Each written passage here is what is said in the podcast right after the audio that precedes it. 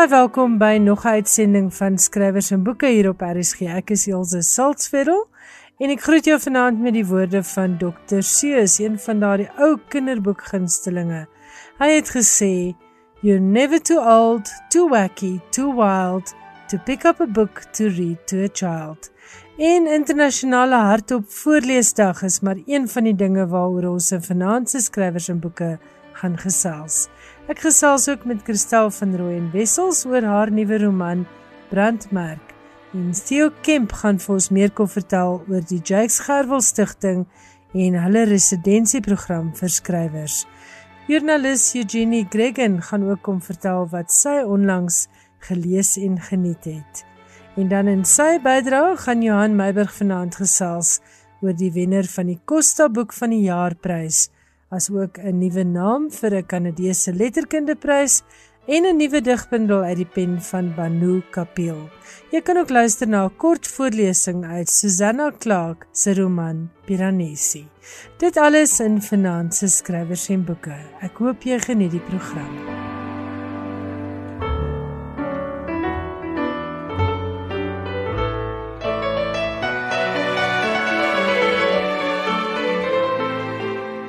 Vandag was die 3de Februarie en dit was ook internasionale hardop voorleesdag in 173 lande. Dit is die 12de herdenking van hierdie spesiale dag. Maar hoekom is hardop voorlees so belangrik? En is dit net belangrik vir kleiner kinders? Ek het vroeër van dese week met Christine Meser gesels. Christine is 'n gewilde jeugboekskrywer en ook 'n spraakterapeut met byna 4 dekades se beroepservaring. Christine is ook die skrywer van 'n belangrike boek vir ouers. In haar boek Help, my kind is anders met die subtitel Ontdek die ster in jou anderster kind, beantwoord Christine en ander kenners 'n hele klompie vrae oor kwessies soos aandagafleibaarheid, angs, outisme, lispel en hakkel om maar 'n paar te noem. Christine, baie welkom by Skrywers en Boeke en dankie dat jy vandag met ons gesels. Vertel vir ons asseblief bietjie van die voordele van hardop voorlees vir jou kind. En dan wil ek ook weet, is daar 'n afsny ouderdom as dit kom by hardop voorlees? Hallo Elsje. Ek gesels graag met jou oor die voorlees van stories en of 'n mens ooit te oud raak vir die voorlees van stories. Nou, Ek dink uh, as mens aan jouself dink as 'n storie voorlees, dan moet jy onmiddellik dink aan wat vandag gebeur in die audioboekmark. Ek sien op Nielsen se webblad dat veral mans in Engeland tussen 25 en 44 jaar oud is die grootste luisteraars van audioboeke. Nou wat is 'n audioboek anders as 'n groot mens wat vir jou 'n storie voorlees? En ek dink dit is op daardie trant dat ons moet dink aan voorlees. Op 'n ander webwerf vind ek weer dat 1 in elke 5 Amerikaners het 'n audioboek geluister tydens inperking. Nou dit is 'n geweldige toename in audioboeke ook in die Afrikaanse mark. Beide NB en Lapa het nou begin om boeke te laat voorlees. Nou ja, dit is 'n wonderlike manier om 'n boek met jou saam te dra want of jy nou in die verkeer sit en of jy by die dokter wag jou boek is op jou foon, jy kan jou oorfone inprop en jy kan luister. Maar daar's amper nog iets meer persoonlik aan wanneer iemand wat vir jou lief is of iemand wat jy ken vir jou 'n boek voorlees. Nou ek dink ek moet dit so opdeel in jonger kinders en ouer kinders en dalk groot mense. Waarom sal mens hardop voorlees? Nou, ehm um, ek wil gou-gou teruggaan na die voorskoolse oudjies toe.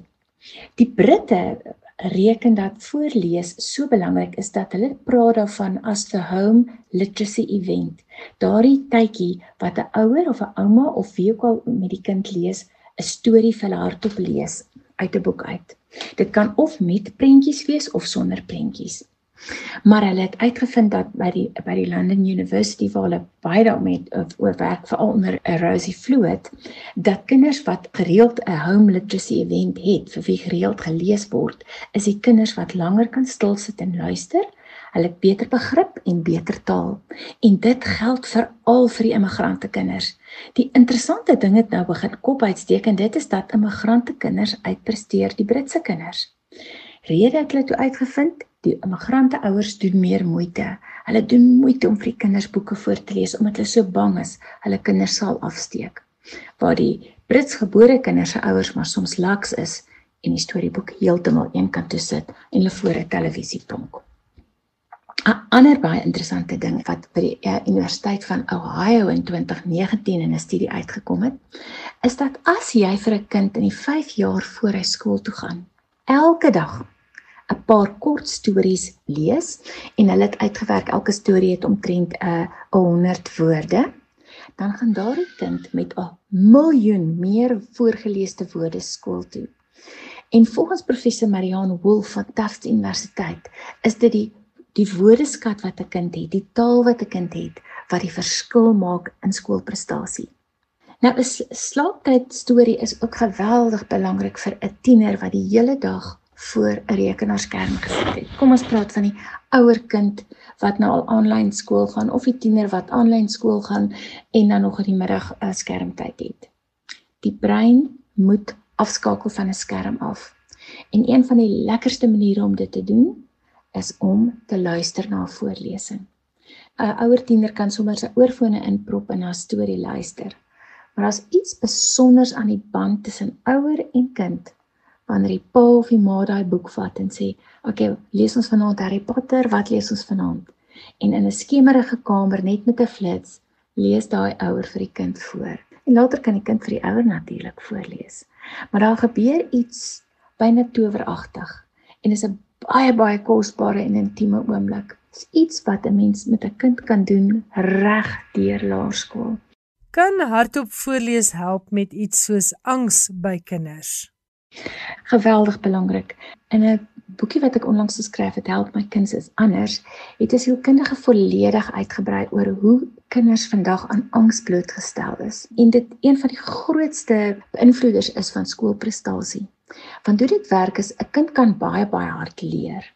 Maar as hulle in die eksamenvraestel kom en hulle is angstig, dan kom die inligting net tot by die oerbrein, daar by die amygdala en daar stop dit. Want die adrenalien wat dan vrygestel word, laat die kind of vlug of vries of veg. Gewoonlik vries hulle dan en dis wat mense noem 'n blank.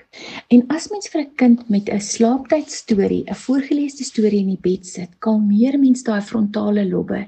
Jy help met die vaslegging van die inligting en jy help letterlik jou kind om beter te kan presteer in die volgende dag se toets. Nou dit is volledig verder geneem in in 'n studie en hierdie studie is gedoen deur professor Gregory Burns en sy span by die Emory Universiteit in Amerika in dit is in Atlanta. Hulle het die studente in twee groepe verdeel. Die een groep studente moes studeer tot hulle gaan slaap. Die ander se groep studente moes eers 'n 'n novel lees, 'n lekker leesboek voor hulle gaan slaap vir halfuur lank. Hulle het die twee groepe gevolg oor 3 jaar wat hulle op universiteit was en gekyk na hulle algemene prestasie. En noodloos om te sê die groep wat die lekker leesboek gelees het voordat hulle gaan slaap, het oor die algemeen beter presteer en daar was 'n minimum valle van die sogenaamde blank strike waar die studente wat gestudeer het tot hulle gaan slaap oor die algemeen swakker presteer het en baie meer insidente genoem het dat hulle net totaal en al toegeslaan het. Nou hierdie studie is nou uh, voortgaande, maar ek dink mens leer iets hieruit en ek wil graag dit onder ouers se aandag bring. Ek wil dit hulle smeek. As dit die een ding is wat jy vir jou kind leer, is dit om nie te swat tot jy gaan slaap nie. Vat 'n halfuurtjie af en lees 'n lekker boek, want dit help om daai inligting wat jy so hard aangeleer het te konsolideer. Jy maak die brein kalm. Jy help daai brein om angs te besweer. En môre as jy gaan toets skryf, is jy op 'n baie beter plek en is jou brein gerad om op die beste manier moontlik die inligting weer te gee. Waarmee help stories alles? Net met taalvakke en taalkundige gereedheid of ook met ander vakke? Nog 'n ding wat hulle gevind het is dat kinders wat boeke lees voor hulle gaan slaap beter doen in wiskunde. Nou ek praat hier van kinders in in die laerskool en dit dis natuurlik as dit eers in die laerskool gevestig is word dit 'n 'n gewoonte in die hoërskool. Hoe meer ouer met 'n kind lees, hoe beter verstaan hulle woorde. En daar is 'n direkte verband tussen die begrip van wiskunde en die begrip van taal. Ehm um, soos jy dit self kan dink is so 'n gesprek rondom 'n boek wat mens voorlees ook 'n geleentheid om te bind. Dis 'n geleentheid om uh te af te laai vir kinders om te sê wat regtig in hulle lewe aangaan, om te reageer op dinge. Dit is soos 'n gratis uh sielkundige terapie sessie.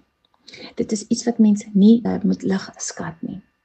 As jy sopas ingeskakel het, hierdie is skrywers en boeke en ek is Elsje Salzwetel. Ek gesels met Christine Neser, skrywer en spraakterapeut en ons gesels oor die belangrikheid van hardop voorlees vir kinders. Christine, hoekom behoort kinders nie hulle dag af te sluit voor 'n TV-skerm of met 'n selfoon in die hand nie, maar eerder met 'n boek en 'n storie? Die frontale lobe word geprikkel deur die blou lig en die beweging en die kleur van 'n televisieskerm. En dit gee nie om of dit 'n klein skermpie is of 'n groot skerm of of dit 'n foonskerm is nie. Dit is nie ideaal nie. Wanneer mens egter lees, kalmeer die frontale lobe, soos ek reeds gesê het en dan word die slaaphormone afgeskei. Die hormone wat REM-slaap, rapid eye movement slaap, droomslaap laat inskop. Soos almal sal weet, groei 'n kind net as hulle slaap. 'n Mens help dus letterlik jou kind se groei, nie net fisiese groei nie, maar ook hulle brein groei, uh die ontwikkeling van neurone, die neerlegging van breinbane as mens hulle aan 'n goeie slaappatroon kan blootstel. So 'n voorlees storie is ook 'n natuurlike slaappil en 'n breinaktiveerder. Ek weet dat tieners graag tot laat aand wil speletjies speel. En daar moet 'n ouer slim wees. Maak met hulle 'n 'n ooreenkoms. Solank mag jy met jou rekenaar speletjies speel, maar so lank sal jy lees voordat jy gaan slaap. So jy moet 'n kwartier of 20 minute voor die tyd ophou om te lees. Hier merk ek dit vir jou. Ons gaan dit lees of ek kom saam met jou lees. Dit is die dis die beste en ek weet dit vat baie van 'n ouer. Maar dan kom tree jy tot die kind se wêreld toe. Jy maak vir hom voorsiening, jy maak vir hom vergunnings en jy gee vir hom daai slaapel in sonder dat hy eers daarvan weet. 'n Mens moet nie te veel preek oor lees nie, mens moet dit net doen. Hoe belangrik is die keuse van boeke? Lees is wonderlik vir 'n tiener se geestesgesondheid.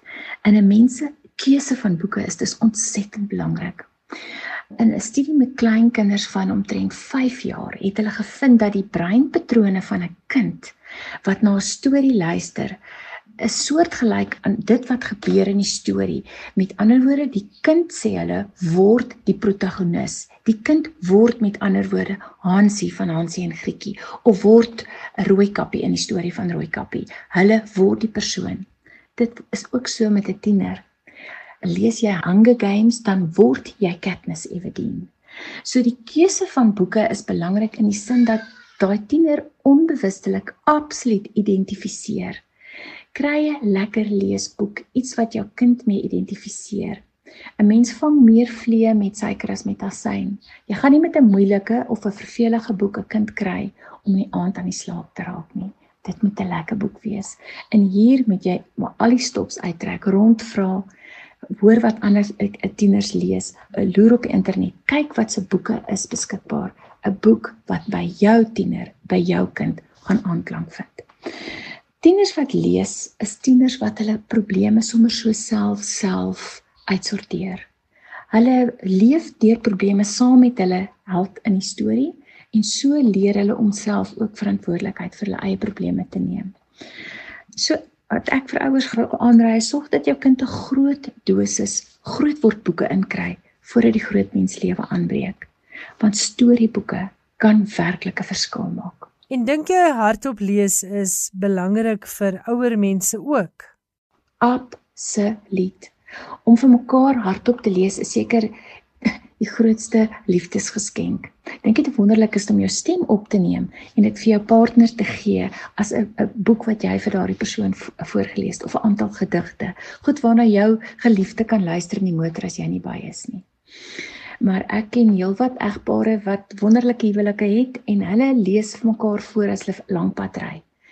Vrou bestuur lees man as man bestuur lees vrou. En so gaan hulle deur ritse boeke. Dis 'n wonderlike bindmiddel. En ja, Julle ken mos die storie van Sherazade wat vir 1001 nagte lank vir die ou sheik wat haar daar gevange gehou het stories vertel het totdat hy besluit het sonder haar kan hy nie lewe nie want sonder stories kan hy nie lewe nie.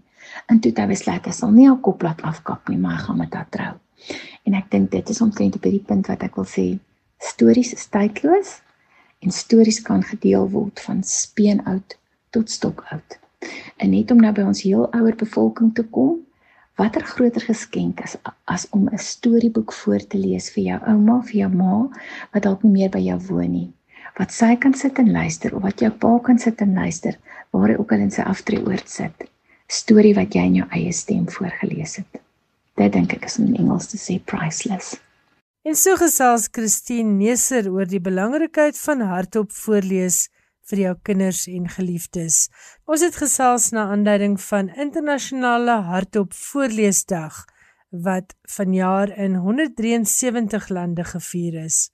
Maar Christine, terwyl ons nou gesels, vertel sommer gou-gou vir ons 'n bietjie meer van jou 11de L jeugroman getiteld Vreesloos. Ek weet jou jong aanhangers kon nie wag vir hierdie boek nie. Waaroor gaan dit? L nommer 11 inderdaad en haar naam is Vreesloos. Want wie is El die dag as haar skoolbaadjie weggeneem word van haar? Dis ook 'n vraag wat 'n klomp meisies in ons land oor die hele wêreld in hierdie inperkingstyd moes antwoord. Wie's jy as jou skoolbaadjie van jou weggeneem word? Maar waaroor gaan Vreesloos? Ek lees sommer vir julle so 'n stukkie van die agterkant van die blurb wat op die agterblad van die boek aangebring is. Alles vrek bang haar matriekjaar spoed ten einde. Sy wil briek gooi want sy weet nie of sy kans sien vir 'n lewe aan die kan die rooi baksteenmure van Gravitas nie. Waar ander meisies planne maak vir 'n groot matriekvakansie, probeer sy daarvan vergeet. Sy wil elke laaste oomblik met oorgawe geniet, soos die matriekdans. Op hierdie dans gaan sy 'n laaste kans kry om haar stempel af te druk. Dit moet onvergeetlik wees, veral vir die nuwe hoofmeisie en die graad 11s. Alles is droommooi. Alles is super mega stylvol, van die oerwat in die skoolsaal tot die gourmetes op die tafel. Mevrou Bender is op haar pos, goedkeurend en in beheer. Wat kan verkeerd loop? Net mooi alles. Reg in in hierdie boek waar net mooi alles verkeerd loop, weet julle natuurlik dat Refilwe en L saam saam 'n plan sal maak om die water hierdie drif te trek en daar sal natuurlik 'n kinkel in die kabel wees, daar sal 'n liefdes ehm um, 'n belangstelling wees. Daar sal 'n matriekvakansie wees, maar 'n baie anderste soort een. Daarom hierdie boek is opgedra aan elke meisie wat in die inperkingstyd haar drome sien duik het. Daai meisie wat nie haar laaste hokkiewedstryd kon speel nie, kaptein van die netbalspan kon wees nie, wie se matriekdansrok steeds in die kas hang. Geniet vir vreesloos. Jy is goed genoeg, jy sterk genoeg en jy slim genoeg om die toekoms aan te pak. En so gesels Christine Neser, skrywer van Vreesloos, die 11de L Jeugroman. Dit word uitgegee deur Lapa. Christine se boek vir ouers waarna ek ook vroeër verwys het, heet Help my kind is anders en dit word ook uitgegee deur Lapa. Jy luister na skrywers en boeke op RSG. Kristal van Rooyen Wessel se tweede roman Brandmerk het onlangs by Penguin verskyn. Dis 'n opvolg op Kristal se debuutroman Adder, maar ook 'n boek wat op sy eie voete kan staan. Kristal is 'n joernalis van beroep en ek gesels nou met haar. Goeienaand Kristal en baie welkom by Skrywers en Boeke. Geluk ook met Brandmerk. Vertel vir ons so 'n bietjie meer oor jouself en jou belangstelling in misdaadfiksie. En hoe presies het dit gebeur dat jy besluit het om misdaadromans te skryf? Hallo Ilse, baie dankie vir die lekker voorreg om by jou te kan kuier. Ek is hoeka uit die radiogenerasie, grootgeword met radiostories. My gunsteling as kind was Loshande skwadkaars. En toe televisie begin, ek was so om en by 11 jaar oud, toe ons 'n televisie gekry het, was dit ook die misdaadprogramme. Arsène Lupin, die Tierbrigade, blitspatrollie, die oorgeklankte weergawe van skwadkaars wat my vasgenaal gehou het. Misdaadstories is waarmee ek groot geword het. Selfs my skoolopstelle het byna altyd in 'n misdaad fiksie ontaard. Al was die tema vakansie op die plaas, het ek 'n misdaad storie daarvan gemaak. En ek het misdaad fiksie verslind. Die eile, Jasper, Fritz Deelman, later Agatha Christie en so Franse reeks van Luitenant X wat in Engels vertaal is. Boonop was my ma se pa polisieman, drie van my broers was polisiemanne en my suster het met 'n speurder getrou. Na skool sou ek onderwys by die pikke gaan swat het. Eindelik was dit net om in die Alabama studentegroep te kan probeer kom. Maar toe praat my een broer Corrie my baie maklik om om polisie toe te gaan. Vir die grootste gedeelte van my 3 jaar verbonde aan Louis Legrandsie plein in Port Elizabeth was ek by die blitspatrollie, skwadkaars gestasioneer. Eers nadat ek getroud is, het ek 'n pos as skoolverslaggewer by die Klersop rekord gekry. Maar ek het vinnig aanbeweeg na die human interest beat. Ek was gelukkig om as 'n uh, Caxton kadet journalistiek by die Pretoria Technikon te gaan swat en 'n paar jaar daarna het ek redakteur van die Stella Lander in Vryburg geword. Dit is in Vryburg waar twee gebeurtenisse kort na mekaar vir my die boustene vir my debuut Adder gegee het. Die eerste was 'n misdaadtoneel waar die lijk van 'n tienermeisie gekry is. Haar trui was oor haar gesig getrek en dit was aan die brand gesteek. Dit het my geboei oor hoekom die misdadiger dit gedoen het maar ons gaan dit nie weet nie want die man of die persoon is nooit nog gevang nie. Toe net daarna gaan doen ek 'n storie oor 'n nuwe plek van veiligheid vir vroue en kinders en hier kom die paramedici aan met 'n vrou wat so verinneweer was dat dit jou hart wou breek. Ek het met eens gewonder hoe hou die maatskaplike werkers kop bo water as hulle daagliks sulke dinge sien. En sê nou een van hulle is ook in 'n vernietigende situasie tuis. Maar hier moet hulle 'n front voorhou want dit is hulle werk om ander te help. En daar het Clara Franke gestalte gekry. Brandmerk volg op jou eerste boek Adder waarin die leser die eerste keer kennis maak met Clara Franke, 'n maatskaplike werker wat self met 'n monster getroud is. In Brandmerk ontmoet ons haar weer en hierdie keer woon sy en haar seun in 'n dorpie waar 'n reeksmoordenaar van kinders los is. Wat is vir jou die kern van Brandmerk? Brandmerk vertel die storie van mense wat deur geweld geruk word. Ja, dit is die storie van 'n geslepe reeksmoordenaar, maar dit is vir my byna meer die storie oor die mense wat deur die moordenaar se dade geraak word. Dis die storie van die werklikheid van baie Suid-Afrikaanse vroue en kinders. In Brandmerk raak jy aan iets baie interessant, die ou nature versus nurture argument. Met ander woorde word 'n misdadiger so gebore of so gemaak weens die omstandighede waarin hy of sy groot word. Wat het jou navorsing hieroor gewys? Ek het lang gesprekke met kundiges gehad oor die onderwerp nature versus nurture. En meeste is dit eens dat elke saak sy eie individuele faktore het. Maar kortliks, daar is individue wat ten spyte van 'n liefdevolle omgewing steeds anders ontwikkel. Veral wanneer daar nie sigbare aanduidings is dat die kind emosionele probleme het nie, is dit moeilik seker byna onmoontlik om daardie probleme met terapie aan te spreek. Maar ek gaan my nou geensins as 'n kenner begin uitgee nie. Reeksmoordenaars, kinderverkragters, kinders wat verdwyn is, alles baie donker temas vir 'n boek. Wat was die prikkel vir brandmerk? Die idee vir brandmerk het by 'n paslaken begin. Ek was besig om beddegoed op die wasgoeddraad te hang en ek het gespook om 'n paslake netjies gehang te kry. Skielik was dit asof Adder se Ronnie, 'n vrou met 'n baie uitgebreide en gekruide woordeskat, langs my praat en sê: "Die blerrie goed is deur die duiwel homself uitgedink." Ek het alles gelos en die stukkie dialoog gaan skryf en toe daarna begin om 'n scenario rondom die dialoog te skep en dit het 'n hoofstuk geword, 'n hoofstuk brandmerk geword. Journalistiek verskil baie van fiksie. Hoe was die oorgang tussen genres vir jou? As joernalis werk 'n mens tog anders met skryfwerk as wanneer jy 'n roman skryf. Ek het uit die staanspoor die stories oor mense geniet om te doen by die koerant. Hul tragedie en hul triomf. So ek pak selfs my nuusberigte as 'n vertelling aan. Net met regte egte feite. Maar ek probeer om ook my fiksie op feite te baseer. Dit hou dit realisties, dink ek. Ek het gesels met Christel van Rooyen Wessels, skrywer van Brandmerk. Dit word uitgegee deur Penguin Random House.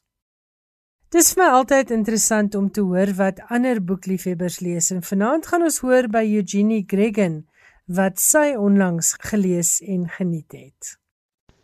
Ek het die afgelope ruk veral jeugromans gelees en een hiervan was Fanny Viljoen se Offers vir die Vlee wat die wenner van Lapa se jeugroman kompetisie in 2019 was en hy het toe laas jaar verskyn. Offers vir die Vlee is 'n distopiese weermagstorie wat ek eintlik net vir 'n boekbespreking gelees het en toe nogal baie van gehou het. Dis bietjie van 'n hoe dan dit storie wat jou heeltyd aan die raai hou. Ses tienersoldate is by opleidingskamp Alpha opgelei om front toe te gaan. As hulle uiteindelik na die front ontplooi word, word Sergeant Torsten vermoor. Dit is nou die leier wat hulle deur die intense, aaklige opleiding gesit het. Al ses ontken hulle skuldig en tot aan die einde is 'n mens nie mooi seker wat gebeur het nie. Die ander jeugroman was Branderjaar deur Joa van Duyk, 'n 23-jarige student by die Universiteit Stellenbosch. In die boek leer ken ons Hoërskool Breekwater se branderjaars. Dit is ses ouens wat half 'n reputasie opgebou het met hulle adrenalienverslaafdheid. Hulle word as die onaantastbare elite van die dorpie Stormbaai beskryf. Nou hierdie branderjaars het 'n paar donker geheime en deedry anker bietjie van 'n pluggie word daarbey ingesleep wanneer een van hulle Lou Swanepoel vir haar ekstra wiskunde klasse begin gee. Deidre het 'n duidelike plan vir haar lewe, maar hoe meer sy met Lou te doen kry, hoe meer betwyfel sy daai plan.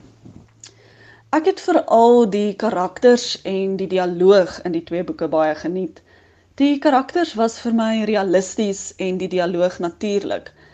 Uh dit het nooit gevoel asof 'n groot mens te hard probeer om in jong mense se koppe te klim en soos hulle te praat of te klink nie. 'n Boek wat ek net voor Desember gelees het, is Debatsu gaan see toe. Dis 'n ongemaklike storie wat baie mooi en lewendig vertel word. Dit speel in die 1980s af. Nou, ek was nog nie gebore nie, so dit was vir my baie interessant om half 'n greep uit daai jare te sien. Maya Fowler vertel in die boek die storie van 'n swart huiswerker wat in die 1980s saam met 'n gesin op 'n Kersvakansie gaan en die gesin se uitgebreide familie is dan nou ook daar. Die titel is 'n bietjie ironies want Debatsu kan nie regtig nou tot by die see gaan nie want swart mense is nie destyds op die strande toegelaat nie. Sy is daar om die familie se vakansie gerieflik te maak. Sy hou haarself eenkant en sy probeer baie hard om nie by die familiedrama en daar is baie familiedrama uh, betrokke te raak nie, maar sy word uiteindelik daarbey ingesleep en die gevolge is hartseer. 'n Ouer boek wat ek onlangs gelees het is Daleen Matthee se Toerbos. Uh, ek wou hom graag vir 'n tweede keer lees voordat ek die fliek kyk wat nou onlangs verskyn het. En met die herlees het dit regtig gevoel asof ek saam met Carolina Kap in die bos is. Dit is een van my gunsteling boeke en Carolina is een van my gunsteling vroue karakters. Haar innerlike stryd is so goed verwoord en Daleen skryf vir my die mooiste sinne. Een van die sinne wat ek onderstreep het is droogte loop met stadige voete die bos binne. Ek het ook die fliek toe gekyk en ek verkies steeds die boek, maar ek dink die storie is regtig goed visueel uitgevoer. Ek het ook uiteindelik die Afrikaanse vertaling van Die Klein Prinsie gelees. Die Franse storie is natuurlik deur Andre P Brink in Afrikaans vertaal. En ah, aan die een kant is ek spyt ek het dit nou eers gelees. Aan die ander kant voel ek die boek het op die perfekte tyd by my uitgekom. Die sprokiesagtige verhaal oor 'n gestrande vleenier en 'n klein prinses se ontmoeting sit mens regtig nogal aan die dink oor hoe groot mense soms kleingeestig raak en vergeet om met hulle harte te leef. Dit was Eugenie Gregan, 'n Gautengse joernalis en boekliefhebber en sy het gesels oor haar onlangse lekker lese. Die Jakes Gerwel Stichting is een van die organisasies wat baie doen om reg Suid-Afrikaanse en spesifiek ook Afrikaanse skryfwerk te bevorder. Ek het vir Theo Kemp, die uitvoerende hoof van die Jakes Gerwel Stichting, gevra om ons meer te vertel oor die stigting se werksaamhede en spesifiek ook oor die residensieprogram vir Afrikaanse skrywers waarvoor gevestigde sowel as opkomende skrywers kan aansoek doen. Baie dankie vir die geleentheid om ehm uh, met jou luisteraars te kan gesels oor die Joyce Gerwel Stichting en alles wat ons daar doen. So ons die die stigting beywer homself vir die bemagtiging van skrywers. Uh ons kyk veral na opkomende skrywers, maar dit beteken nie dat ons nie uh, geleenthede bied vir gevestigde skrywers nie. Ons uh, probeer soveel as moontlik die verskillende skryfgenres akkommodeer uh insluitende romanskrywers, uh nie fiksieskrywers, uh dramaturge, liriekskrywers en ehm um, natuurlik ook kyk ons na kortverhaalskrywers wat ook tydskrif uh verhale insluit en dis meer. En mense kan uh gerus op ons webwerf gaan, gaan kyk. Dis www.jgf staan vir die Engelse Jacques Gerwel Foundation www.org.za. Eh, nou die die spesifieke program waar ek vanaand wil gesels is ons uh Afrikaanse skrywers uh, residensie verblyfsprogram wat ons in samewerking met Pen Afrikaans aanbied.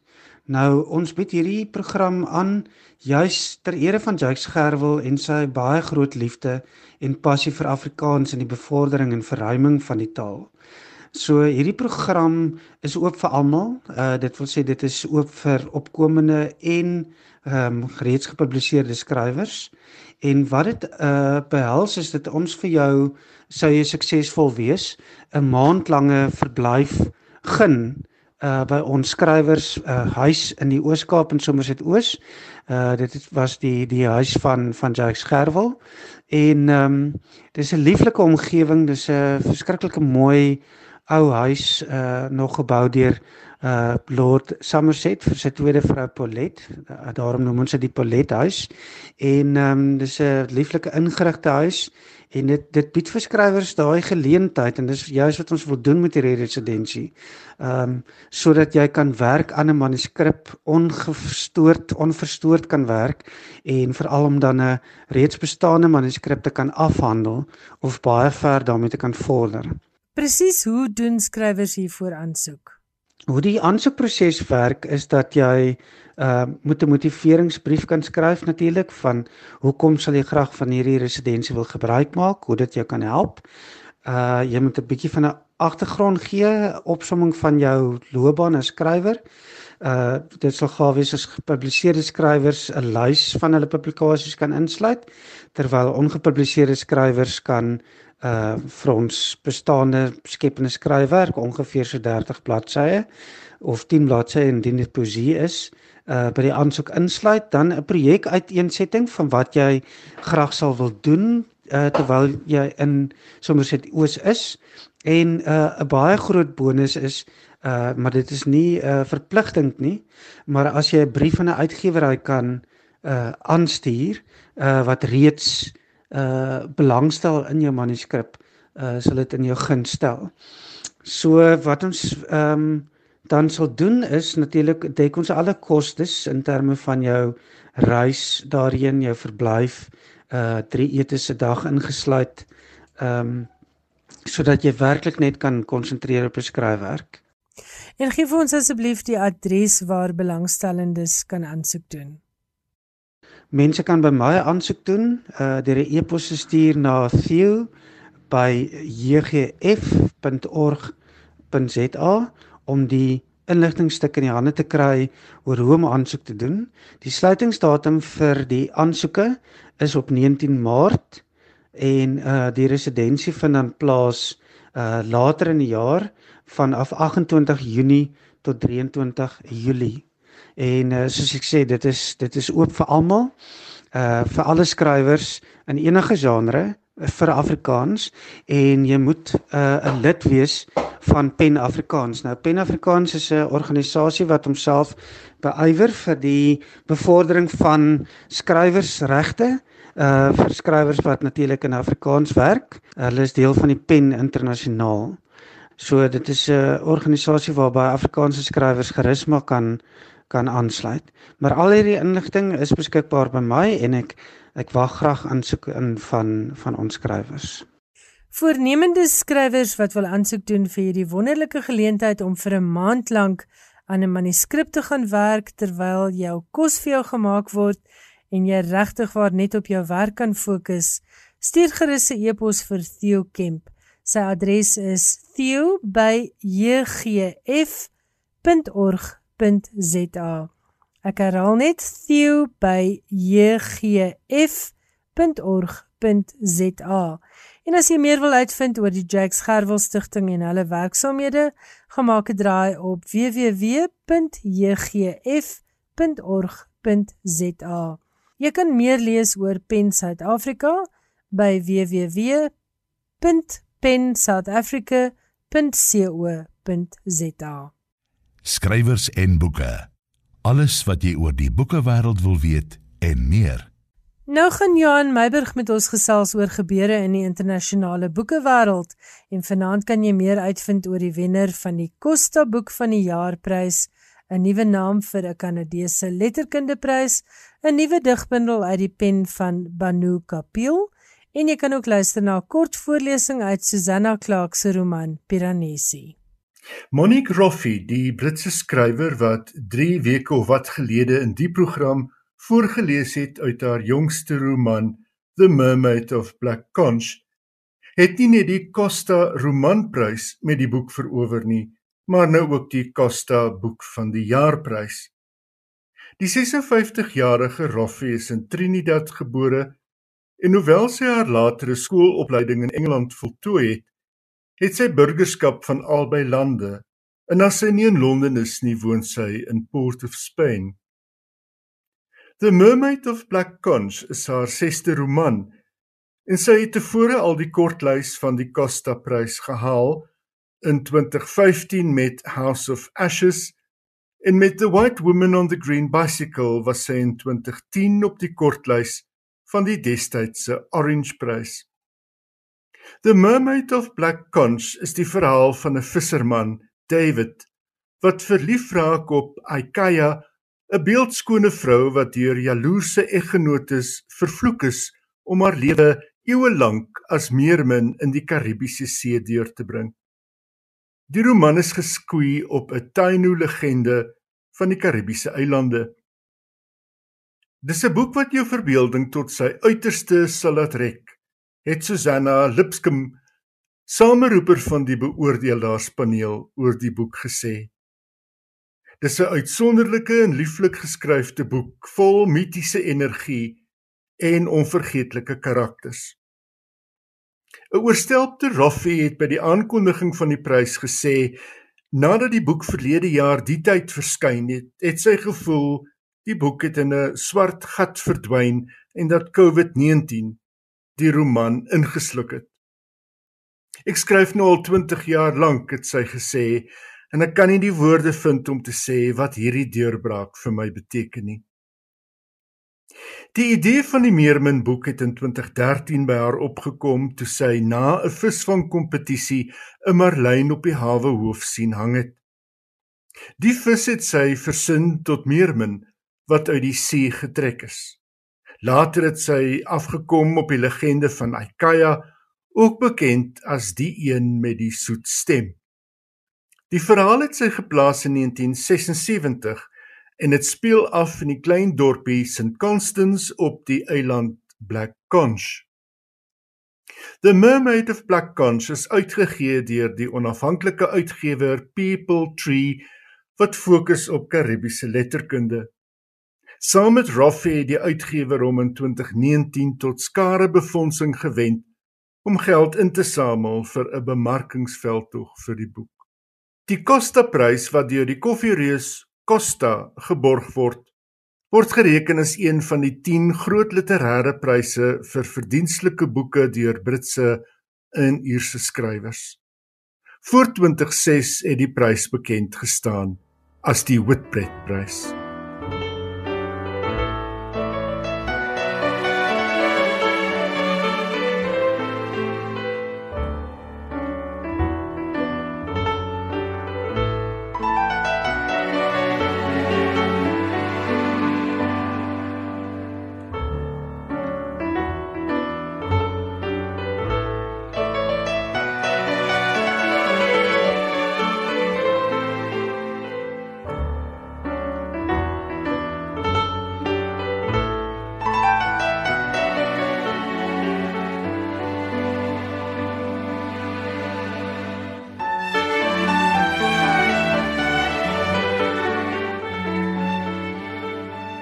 Banu Kapil, die Brits-Indiese digter wat verlede jaar die Wyndham Campbell Prys vir poesie losgeslaan het met 'n allemintige prysgeld van net minder as 3 miljoen rand, het nou ook die gesogte T.S. Eliot Prys verower. Die prys wat tevore aan digters soos Ted Hughes, Carol Ann Duffy en Seamus Heaney toegeken is, het sy verwerf met haar digbundel How to Wash a Heart. Die beoordelaars het die bundel beskryf as voortreffelik en as 'n bundel waarin die ongemaklike verhouding tussen 'n immigrant en haar wit middelklas gasheer verken word. Kapel bring dit so onder woorde: It's exhausting to be a guest in somebody else's house forever. And as your guest, I trained myself to beautify our collective trauma. The Guardian berig die inspirasie vir die bundel was 'n foto wat Kapil in 'n koerant gesien het van 'n egpaar in Kalifornië wat hul huis oopgestel het vir 'n gas met 'n onseker visumstatus. Die bundel sê Lavinia Greenlaw, een van die beoordelaars, slaag daarin om broosheid, woede, humor, begeerte impriemende insigte in die eie situasie sowel as die van die ander te versmelt. Die 53-jarige Kapel is in Londen gebore en woon en werk deesdae in Brittanje sowel as die FSA.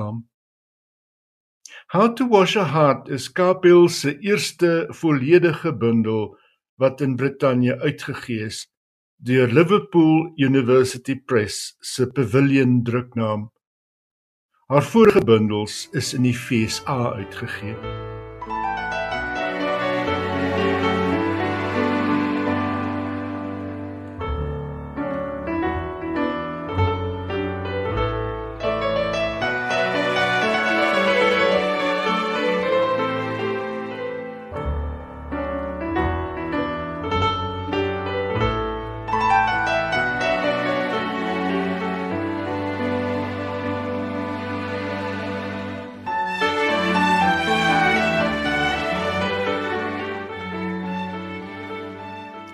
Die Kanadese Skrywers Trust het met 'n enkele naamsverandering 'n hele nuwe allure aan sy fiksieprys verleen. 'n Prys wat as een van die vernaamste letterkunde in Kanada gereken word en voorheen aan 'n skrywer soos Alan Munro toegeken is. Die prys heet voortaan die Atwood Gibson Prys, genoem na die Kanadese skrywers Margaret Atwood en haar man Graham Gibson wat in 2019 dood is. Volgens Atwood in 'n berig in The Guardian was dit Gibson wat jare lank die stuurkrag agter die skrywers trust was. Gibson en Atwood was in 1976 deel van die 5 stigterslede van die skrywers trust. Gibson was ook president van Pen Canada en het in 1969 gedebuteer met 'n roman Five Legs. Sy laaste twee boeke was oor die wilde diere van Kanada, 'n saak wat hom na in die hart gelê het.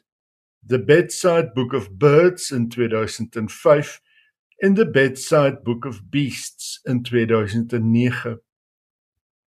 Atwood is die skrywer en digter wat reeds 'n magdompryse ingeoes het. In 2019 is sy aangewys as medewenner van die Booker-prys vir haar jongste roman, The Testaments. Die prysgeld van die Atwood Gibson Prys is opgestoot. En Atwood het gesê sy hoop die naamsverandering dra by tot 'n nuwe geesdrif in die letterkunde.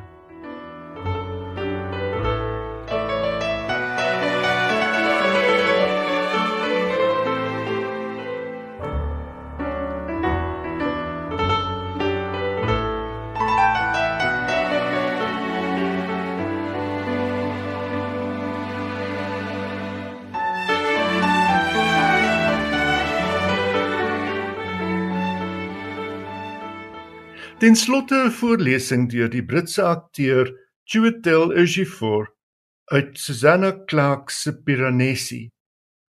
Die boek was op die kortlys van die Costa Romanprys en Ron Charles het in the Washington Post dit as 'n oneindig slim boek beskryf. En die karakter Piranesi se aanvaarding van sy inkerkering in 'n plek bekend as The House vergelyk met ons situasie die van 'n planeet in kwarantyne.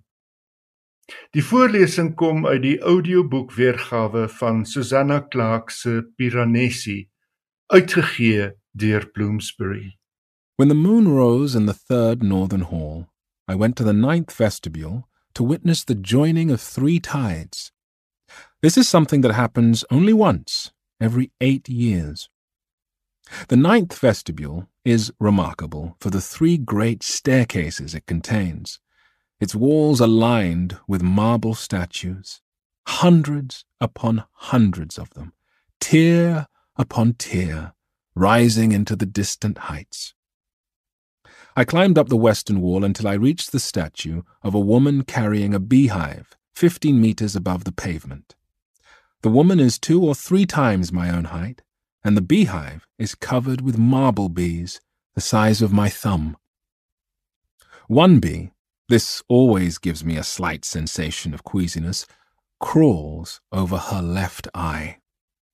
I squeezed myself into the woman's niche and waited until I heard the tides roaring in the lower halls and felt the walls vibrating with the force of what was about to happen. First came the tide from the far eastern halls. This tide ascended the easternmost staircase without violence. It had no colour to speak of, and its waters were no more than ankle deep. It spread a grey mirror across the pavement, the surface of which was marbled with streaks of milky foam. Next came the tide from the western halls. This tide thundered up the westernmost staircase and hit the eastern wall with a great clap, making all the statues tremble. Its foam was the white of old fish bones, and its churning depths were pewter. Within seconds, its waters were as high as the waists of the first tier of statues. Last came the tide from the northern halls. It hurled itself up the middle staircase, filling the vestibule with an explosion of glittering ice white foam. I was drenched and blinded. When I could see again, waters were cascading down the statues. It was then that I realized I had made a mistake in calculating the volumes of the second and third tides. A towering peak of water swept up to where I crouched. A great hand of water reached out to pluck me from the wall. I flung my arms around the legs of the woman carrying a beehive and prayed to the house to protect me. The waters covered me, and for a moment I was surrounded by the strange silence that comes when the sea sweeps over you and drowns its own sounds. I thought that I was going to die, or else that I would be swept away to unknown halls far from the rush and thrum of familiar tides. I clung on. Then, just as suddenly as it began, it was over. The joined tide swept on into the surrounding halls. I heard the thunder and crack as the tide struck the walls. The waters in the ninth vestibule sank rapidly down until they barely covered the plinths of the first tier of statues. I realized that I was holding on to something. I opened my hand and found a marble finger from some faraway statue that the tides had placed there. The beauty of the house is immeasurable. Its kindness, infinite.